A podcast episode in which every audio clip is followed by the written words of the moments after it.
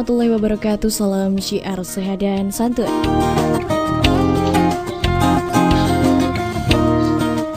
98 MHz Mentari FM Radio Kesehatan Solo. Dipancar siarkan Sobat Sehat dari Jalan Tugu Umar nomor 5 ke Prabon Surakarta. Tepatnya dari Gedung Dakwah Balai Muhammadiyah Lantai 2 Kota Surakarta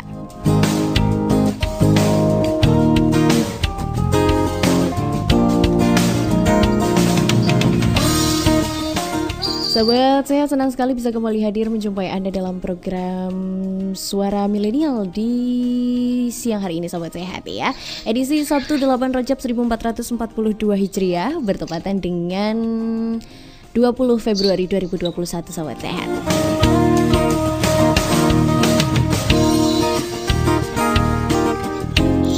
Menemani akhir pekan Anda sobat sehat ya Yang hari ini meskipun tidak begitu cerah Tapi juga Alhamdulillah ya. Tidak begitu mendung juga. Tidak begitu mendung juga sahabat sehat ya. Dan uh, hari ini kita sudah terhubung dengan narasumber di program suara milenial kali ini sahabat sehat. Kita hari ini akan berbincang bersama dengan narasumber Nur Faiza Rahmas sarjana psikolog sahabat sehat ya. Hari ini kita akan membahas mengenai Hari Bahasa Ibu Internasional sahabat sehat ya. Hari Bahasa Ibu Internasional, bahasa ibu itu bahasa yang seperti apa sahabat sehat? Boleh kita langsung menyapa Mbak Rahma, kita sapa dulu yang sudah terhubung melalui jaringan jarak jauh sahabat sehat. Assalamualaikum Mbak Rahma. Waalaikumsalam Mbak Ilma. Iya, sehat ya Mbak Rahma? Sehat ya Mbak Alhamdulillah sehat. Alhamdulillah sehat. Gimana ya, kabarnya Mbak Ilma? Uh, Alhamdulillah sehat, semangat dan tetap patuh protokol kesehatan tentunya ya Mbak. Alhamdulillah. Alhamdulillah. Hari ini iya, iya. Uh, uh, di akhir pekan ini Mbak kita menemani sobat sehat. Kita akan berbincang mengenai Hari Bahasa Ibu Internasional. Iya. Yeah. mungkin bisa disampaikan dulu Mbak, itu tuh sebenarnya bahasa ibu atau hari bahasa ibu internasional tuh kapan sih Mbak sebenarnya silakan. Iya, ya. Terima kasih pada Mbak Ilma. Jadi eh, Hari Bahasa Ibu Internasional ini mungkin banyak para sahabat sehat dan sahabat milenial itu belum belum familiar ya. Padahal mm -hmm. ini sudah hampir 21 tahun eh, apa dirayakan terutama untuk di negara Bangladesh. Jadi bahasa Hari Bahasa Ibu Internasional itu eh, setiap tahunnya itu di dunia itu diperingati pada tanggal 21 Februari. Jadi bertepatannya besok pagi ya Mbak ya. Mm -hmm. Perayaan Hari Bahasa Ibu Internasional ini eh, diselenggarakan itu uh, untuk mempromosikan kesadaran akan keanekaragaman bahasa dan budaya serta mempromosikan multibahasa. Jadi adanya Hari Bahasa Ibu Internasional itu diawali oleh uh, UNESCO. UNESCO itu yang yang Halo? Iya. Masihkah kesambung? Iya, masih Mbak aman, silahkan. Bisa, bisa ya. Mm -mm. Oh iya iya iya. Terima kasih. Kayak gitu. Iya. Ya, nanti kalau teman-teman sahabat milenial itu bisa googling. Sekarang hmm. itu zamannya canggih sebenarnya tinggal uh, googling kita bisa lihat apa sih hari bahasa internasional gitu ya. Jadi uh, sejarahnya itu Pakistan, uh, Bangladesh itu, Bangladesh itu uh, ter tahun 1900 Pakistan jadi Pakistan Timur Bangladesh dan Pakistan Barat. Kedua-keduanya itu sebenarnya mempunyai budaya bahasa yang berbeda. Seperti Indonesia gitu ya ada dari Sabang sampai Merauke itu kan punya bahasa masing-masing Ya, pada tahun 1948 itu pemerintah Pakistan itu mendeklarasikan bahwa bahasa Urdu itu bahasa satu-satunya di nasional Pakistan. Padahal di sana ada yang bisa Bengali atau Bangla yang yang mayoritas itu digunakan oleh uh, masyarakat Pakistan Timur itu. Mm -hmm. Terus biasa kan kalau ada itu kan protes gitu ya. Jadi kok bahasa aku nggak dipakai gitu ya untuk nasional gitu. Jadi kalau di Indonesia kan ada bahasa Jawa, ada bahasa Sunda, ada bahasa macam-macam. Dan kebetulan yang dijadikan bahasa nasional itu bahasa Indonesia. Jadi tidak mengambil salah satu suku saja. Jadi semuanya nggak nggak protes. Nah di sana itu protes. Dan kebetulan ada kejadian berdarah saat itu. Jadi pada umumnya kayak orang demo gitu ya, mungkin sudah tidak terkendali, terus ada penembakan, penembakan, akhirnya eh, apa namanya terjadilah terjadilah uh, ada yang meninggal dan pada pas tanggal 21 Februari itu.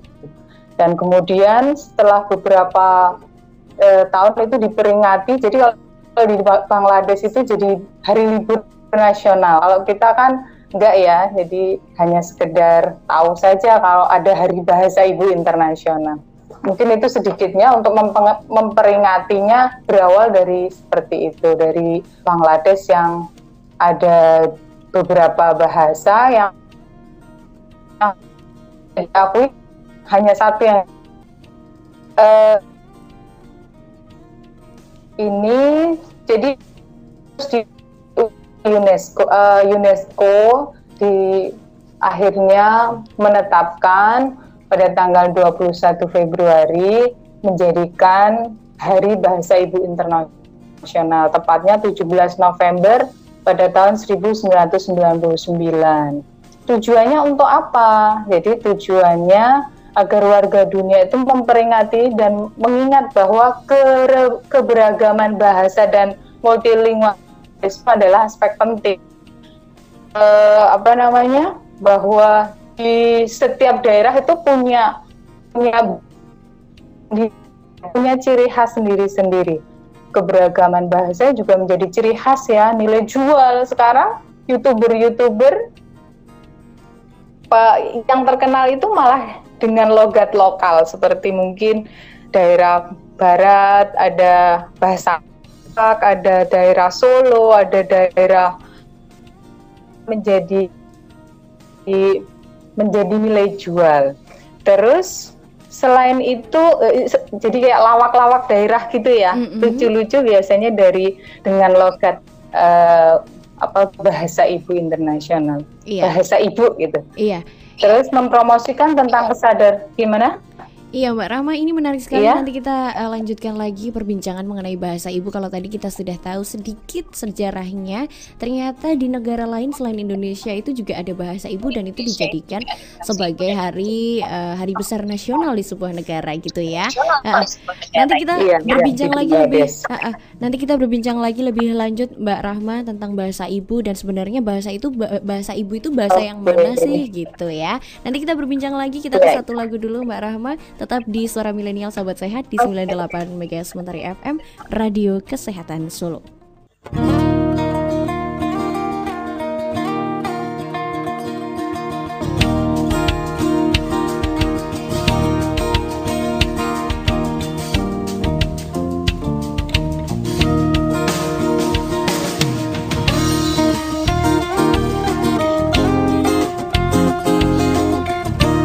98 MHz dari FM Radio Kesehatan Solo Sobat Sehat. Ya Masih dalam program Suara Milenial di siang hari ini Sobat Sehat bersama dengan Mbak Rahma dan juga Ilma Rania. Tadi kita sudah berbincang sedikit mengenai sejarah Hari Ibu Sobat Sehat ya.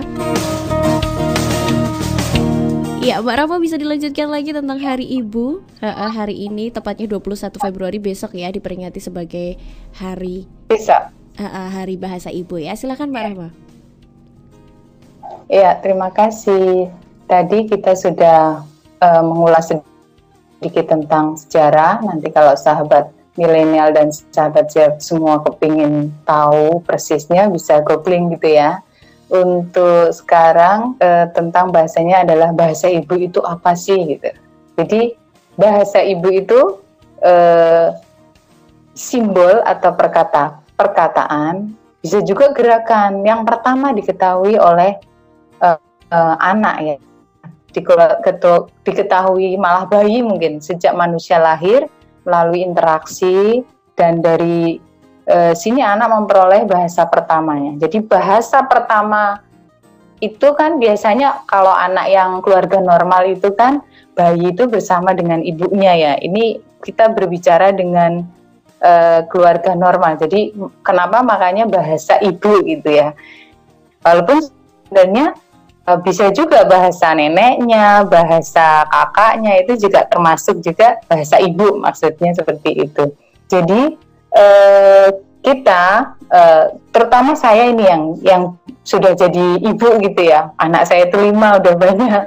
Jadi setiap anak itu baru baru aja lahir misalkan baru aja lahir pasti secara naluri seorang ibu itu akan mengajak ngobrol anaknya. Jadi uh, seorang ibu naluri ibu itu enggak nggak memikirkan ini anak belum bisa ngobrol jadi diem aja gitu nggak. Jadi naluri ibu itu uh, langsung saja gitu. Kalau sudah punya anak itu ya nanti ketemu anaknya bisa ditanya eh anak cantik anak cakep anak soleh gitu. Seperti uh, anak bayi yang baru lahir itu pun kita anggap bisa bercakap-cakap. Dan memang bahasa itu uh, tidak hanya bahasa secara verbal ya kita tahu ada sahabat-sahabat kita juga yang mengalami keterbatasan sehingga tidak bisa mengucapkan sesuatu. Jadi mereka menggunakan bahasa isyarat. Itu juga bahasa. Jadi inti dari bahasa itu adalah alat komunikasi. Jadi dari mulai dari kecil itu bisa simbol dari anak anak-anak kita yang baru lahir itu mungkin ada yang sudah nanti sebelum mereka bisa mengatakan kalimat biasanya dimulai dengan uh, bunyi yang asal gitu ya bunyi mungkin tangisan pertama itu tangisan. Jadi kita anak-anak kita itu kalau pertama kali itu bisa nangis itu normal. Kalau anak kita lahir kok nggak nangis nah itu malah kita perlu curigai karena kenapa dia kok nggak nangis gitu ya. Jadi kita suaranya benar apa tidak kayak gitu ya. Jadi bahasa ibu itu seperti itu. Bahasa yang pertama kali diperoleh oleh anak. Jadi nah di situlah uh, makanya tadi yang berkaitan dengan sejarah Bangladesh itu uh, bahwa bahasa ibu itu beda setiap setiap orang itu ya. Ada yang mungkin bahasanya langsung Inggris. Bisa karena dia ibu memang orang Inggris dan ibunya ngomongnya bahasa Inggris. Kalau kita bahasa ibunya misalkan saya bahasa Jawa. Harusnya saya bisa bahasa Jawa gitu. Tapi mungkin semakin ke sini ya, mm -hmm. semakin uh, era digital seperti ini, ini perlu di diwaspadai bahwa apa kita kita kadang apa lupa ya. Iya. Biar gampang kita ngomongnya bahasa Indonesia saja. Padahal bahasa ibu itu bahasa daerah masing-masing itu perlu kita jaga. Iya. Karena itu sebuah warisan ya. Mhm. Jangan-jangan kalau kita uh, langsung mengajari anak kita itu bahasa uh, Indonesia, nggak nggak nggak mengenalkan bahasa Jawa. Iya generasi selanjutnya bahasa Jawa itu punah. Mm -mm. Begitu juga dengan uh, daerah masing-masing misalkan Sunda, Sumatera gitu, dialek-dialek uh, lainnya di di seluruh Indonesia ini. Jadi mungkin itu ya bahasa ibu sangat penting kita perkenalkan dan itu setiap ibu itu bisa berbeda.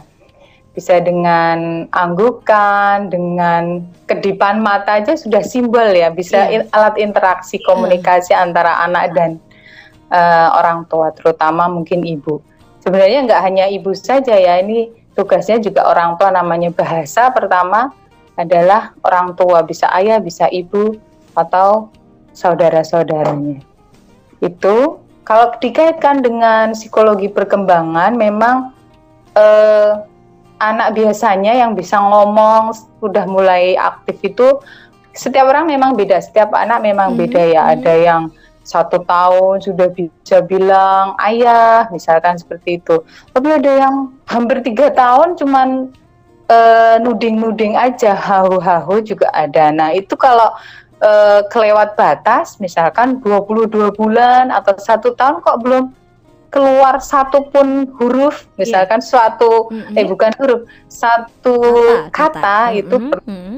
nah e, misalkan belum keluar satu kata itu perlu diwaspadai. Kenapa kok anak saya pendiam? Jangan-jangan ibunya tiap hari main gadget, jadi iya. nggak yeah. sempat mm-hmm. ngajari anaknya ngomong secara verbal. Mungkin bisa jadi seperti itu. Sekarang memang fenomenanya emak-emak itu menyusui, megang HP, terus menemani anaknya lihat YouTube gitu ya. Jadi itu memang mm -hmm. uh, apa namanya?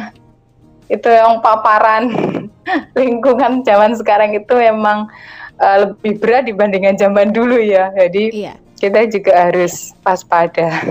Iya. Gitu. Tantangannya lebih besar ya Ibu ya di uh, di masa-masa ini ya.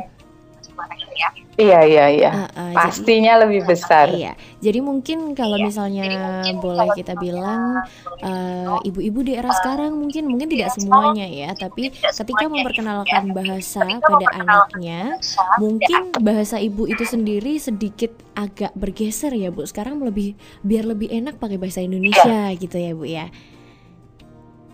Iya iya jelas. Uh, saya sendiri juga merasakan gitu ya. Jadi karena saya berada di lingkungan perumahan yang semua orang ada, orang Medan ada, orang dari mana-mana ada, itu kan mengharuskan anaknya bisa berkomunikasi dengan yeah. yang lain mm -hmm. uh, agar ya semuanya kalau kita lihat di perumahan-perumahan kan memakai bahasa Indonesia ya. Yeah. Cuman kita bisa mengakalinya dengan tetap mengenalkan uh, anak itu misalkan dengan suami kita ngobrolnya pakai bahasa Jawa misalkan seperti itu atau tetap ngajarin bahasa Jawa walaupun dia hanya secara pasif tapi memang itu berat ya kalau terutama di lingkungan perumahan-perumahan yang campur gitu ya. Mm -hmm. Kalau di desa insya Allah kayak orang Inggris lahir terus nanti anak-anak udah bisa bahasa Inggris yeah, gitu ya. Gitu. Sekarang yeah. itu uh, uh, kita anak-anak saya aja paham bahasa Jawa kadang suruh ngomong oh nggak mau nggak bisa gitu kau kan orang Jawa gitu nah itu tantangan tantangan bagi para orang tua termasuk saya sendiri gitu mm-hmm. bahwa oh iya ya ternyata saya punya bahasa ibu kalau saya yang nggak mengenalkan terus siapa lagi iya. jangan-jangan nanti orang Belanda yang malah pinter bahasa Jawa iya. kita malah nggak tahu gitu uh-uh. Iya bu, gitu, iya dengan adanya fenomena yang tadi kita jelaskan mungkin orang tuanya juga uh, sibuk mungkin main gadget atau apa gitu. Apakah uh, apa ya kondisi ini, tantangan ini berkaitan dengan pemerolehan bahasa si anak itu? Iya, Mbak Rahma, ada pertanyaan apakah uh, kondisi di mana mungkin ya, uh, zaman ya. yang sudah bergeser dan tantangannya semakin besar, uh -uh, itu apakah ada kaitannya dan apakah berhubungan atau uh, keputus? Agak putus. Iya. Iya, uh, mungkin kita bisa lanjutkan lagi nanti setelah ini Mbak Rama setelah kita ke jeda, kita ke jeda terlebih dahulu Sobat Sehat tetap dalam program Suara Milenial di 98 MHz Mentari FM Radio Kesehatan Solo.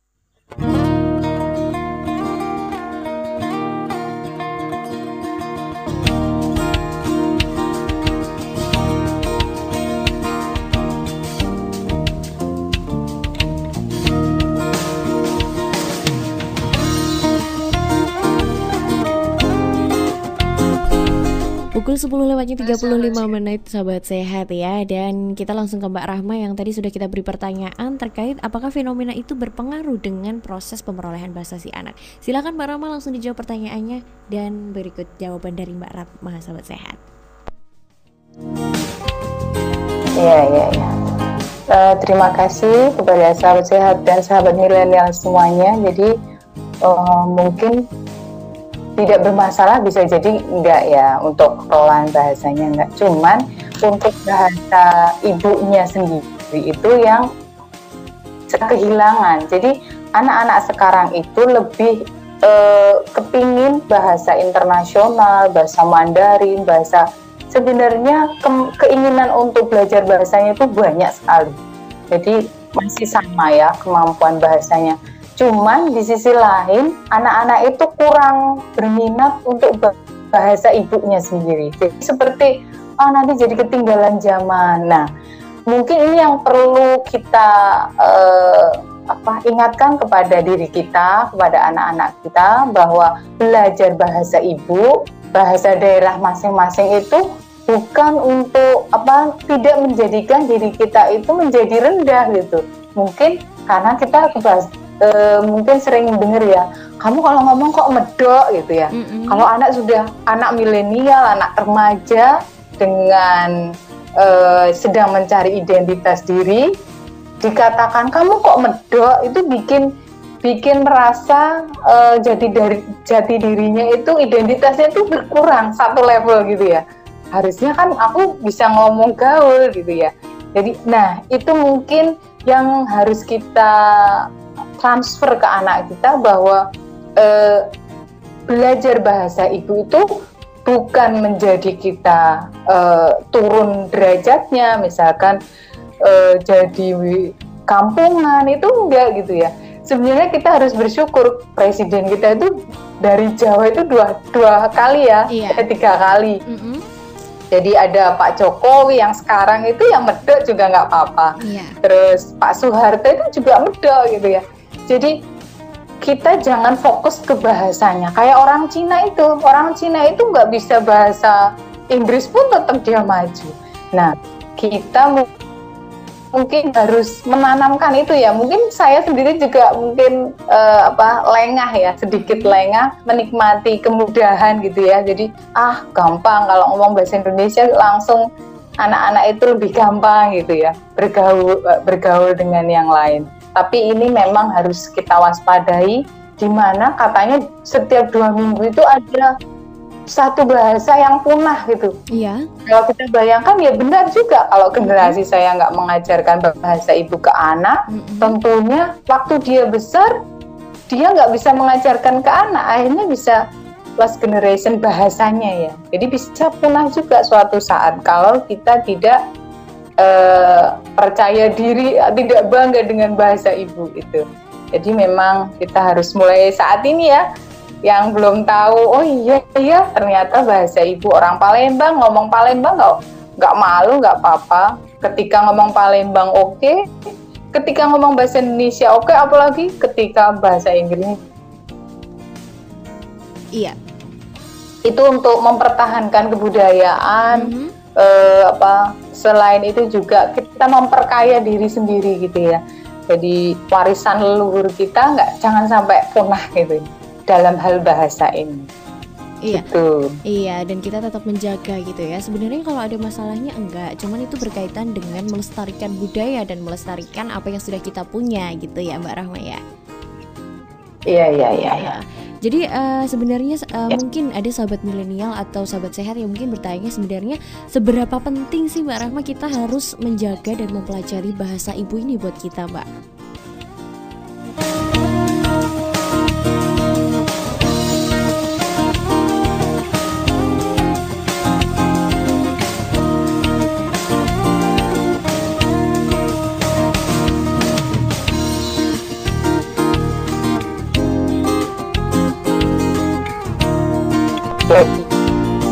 Kita bagaimana caranya ya untuk mengajarkan anak, terutama yang masih kecil itu ya. Jadi rangsangan uh, yang dilakukan oleh orang tua atau tentunya ibu yang jadi uh, pembimbing pertama kali adalah kita memang perlu HP iya ya. Jadi yang tapi kita juga perlu berbicara. Yang mm -hmm. pertama adalah bicaralah, yeah. bicara apa pun. Mm -hmm. Jadi kita dengan anak itu, apalagi yang masih balita, kita ajak bicara. Mm -hmm. Dengan remaja pun seperti itu karena sekarang uh, seperti miskomunikasi ya antara ayah dan dengan anak, dengan suami istri semuanya megang gadget sendiri-sendiri padahal berkumpul dalam satu keluarga.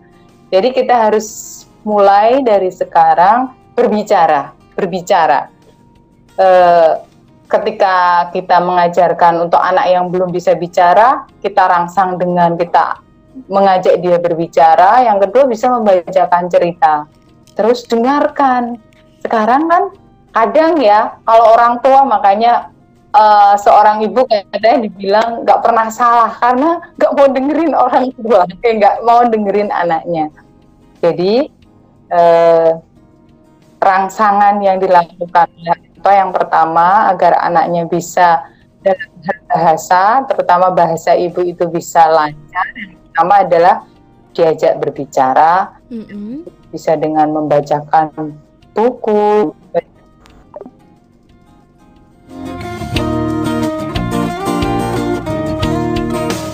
Iya, sahabat sehat pada intinya yang paling penting adalah adanya interaksi ya, ada ngobrol, ada interaksi supaya anak mengenal bahasa yang kita gunakan sahabat sehat ya. Boleh bermain gadget tapi tetap usahakan untuk berinteraksi dengan anak apa pun itu bentuk interaksinya sahabat sehat ya. Jangan geser channel Anda tetap dalam suara milenial sahabat sehat masih akan kembali setelah jeda berikut ini.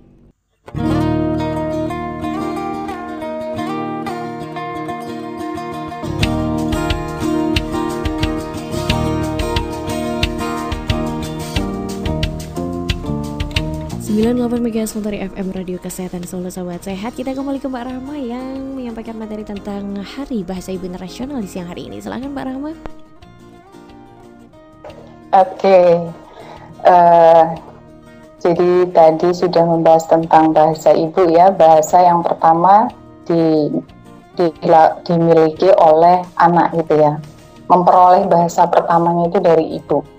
Terus intinya bahwa bahasa itu adalah alat komunikasi. Jadi alat komunikasi itu eh, itu akan di, eh, digunakan seumur hidup gitu ya. Karena kita sebagai makhluk sosial pasti akan melakukan komunikasi. Terus perkembangan eh, bahasa itu itu dipengaruhi oleh perkembangan kognitif juga. Perkembangan kognitif. Jadi eh, semakin anak kecil masih bayi itu mungkin masih bahasanya baru tangisan, isyarat, celoteh, terus ungkapan-ungkapan emosional ya gitu ya. Tapi semakin perkembangan kognitifnya sempurna, uh, kita mungkin uh, sebagai orang tua atau remaja, anak-anak lah, mulai enam tahun itu sudah bisa menggunakan kalimat lengkap. Nah, mm -hmm. uh, itu sangat kita butuhkan untuk berkomunikasi dengan sekitar kita dan juga untuk jenjang pendidikan dan karir gitu ya. Untuk itu, marilah kita ajak untuk sahabat-sahabat semuanya untuk melatih bahasa gitu ya. Jadi bahasa komunikasi verbal itu sangat penting karena eh, walaupun sekarang sudah dunianya gadget, tetap nanti ketemu keluarga itu yang ngomong gitu ya. Ketemu uh, orang lain itu ya perlu menyapa. Jadi gunakanlah kalau masih memungkinkan gunakanlah pertama adalah bahasa ibu. Jadi bahasa ibu itu bisa berarti juga bahasa daerah masing-masing atau bahasa ibu awalnya itu dari mana gitu ya. Jadi itu terus e, karena bahasa juga kadang uh, dipengaruhi oleh lingkungan gitu ya, terutama yeah. untuk para sahabat milenial gitu ya, mm -hmm. sudah mulai ada bahasa gaul, bahasa program, prokem dan bahasa yang aneh-aneh. Mungkin saya sendiri sudah nggak apa nggak tahu artinya, hanya mereka sendiri yang tahu sesama kelompoknya. Jadi mulai sekarang sebagai orang tua, marilah kita uh, memahami ya bahwa belajar bicara itu ter, ternyata tidak mudah gitu ya. Yang pertama itu memang perlu kesiapan fisik. Fisik itu secara mulut ya, eh, otot-otot mulut berkaitan dengan mulut.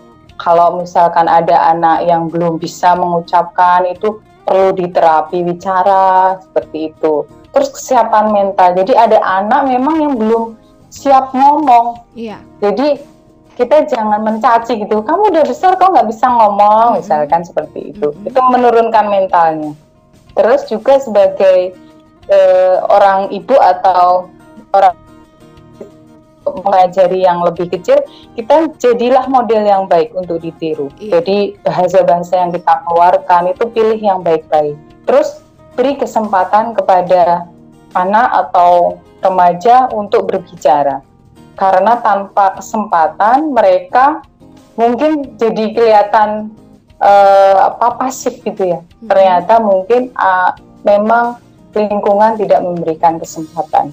Jadi yuk mulai ajari anak-anak kita, rekan-rekan kita, hmm. sahabat semuanya itu um, mulai menggunakan, mengenal gitu ya, mengenal bahasa ibu.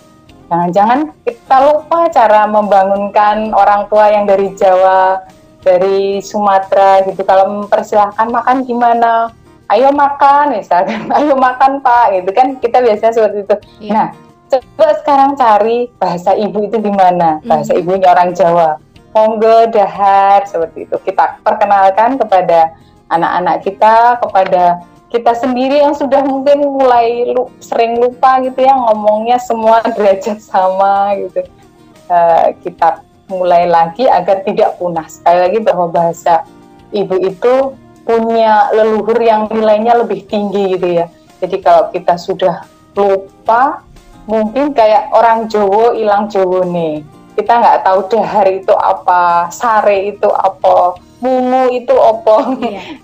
gitu ya Mungu uh, ibu sudah bangun gitu ya kan harusnya ibu sampun wungu wungu itu untuk bangun yang sopan gitu ya mm-hmm. ibu sudah ada har eh, ibu. misalkan kalaupun harus dicampur dengan bahasa Indonesia karena tidak semua orang uh, paham jadi mas dimasukkan sedikit sedikit gitu ya kan nggak mungkin kita sudah terbiasa bahasa Indonesia langsung cowok kromo inggil gitu iya. nanti anak-anak kita malah nggak ya? bisa ngomong uh. gitu jadi sedikit demi sedikit kita ajari kita biasakan diri kita untuk uh, berbahasa ibu jadi selamat uh, hari bahasa ibu mm-hmm. internasional yang jatuh besok pagi ya 21 Februari 2021 iya gitu mbak Iya, terima kasih Mbak Rahma atas materinya juga sama-sama kesempatannya di siang hari ini terkait yeah. dengan bahasa Ibu internasional ya.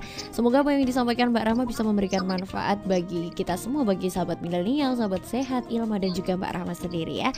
Terima kasih. Selamat yeah, melanjutkan yeah. aktivitas Anda Mbak. Yeah. Uh, semoga tetap dalam lindungan Allah, yeah. uh, tetap jangan lupa 3M ya Mbak ya. Iya. iya. Iya, terima kasih. Uh, uh, sampai ketemu lagi Mbak Rahma. Wassalamualaikum warahmatullahi iya. wabarakatuh. Waalaikumsalam. Demikian tadi Sobat Sehat program Suara Milenial bersama dengan Mbak Rahma dalam tema kita di siang hari ini Sobat Sehat mengenai Hari Bahasa Ibu Internasional Sobat Sehat ya. Kita harus tetap berupaya untuk melestarikan budaya dan bahasa yang kita miliki supaya tidak luntur dan tidak punah tentunya Sobat Sehat ya. Dan jangan geser channel Anda Sobat Sehat tetap bersama Mentari FM senantiasa budayakan hidup sehat karena sehat adalah gaya hidup. Salam syiar sehat dan santun. Assalamualaikum warahmatullahi wabarakatuh.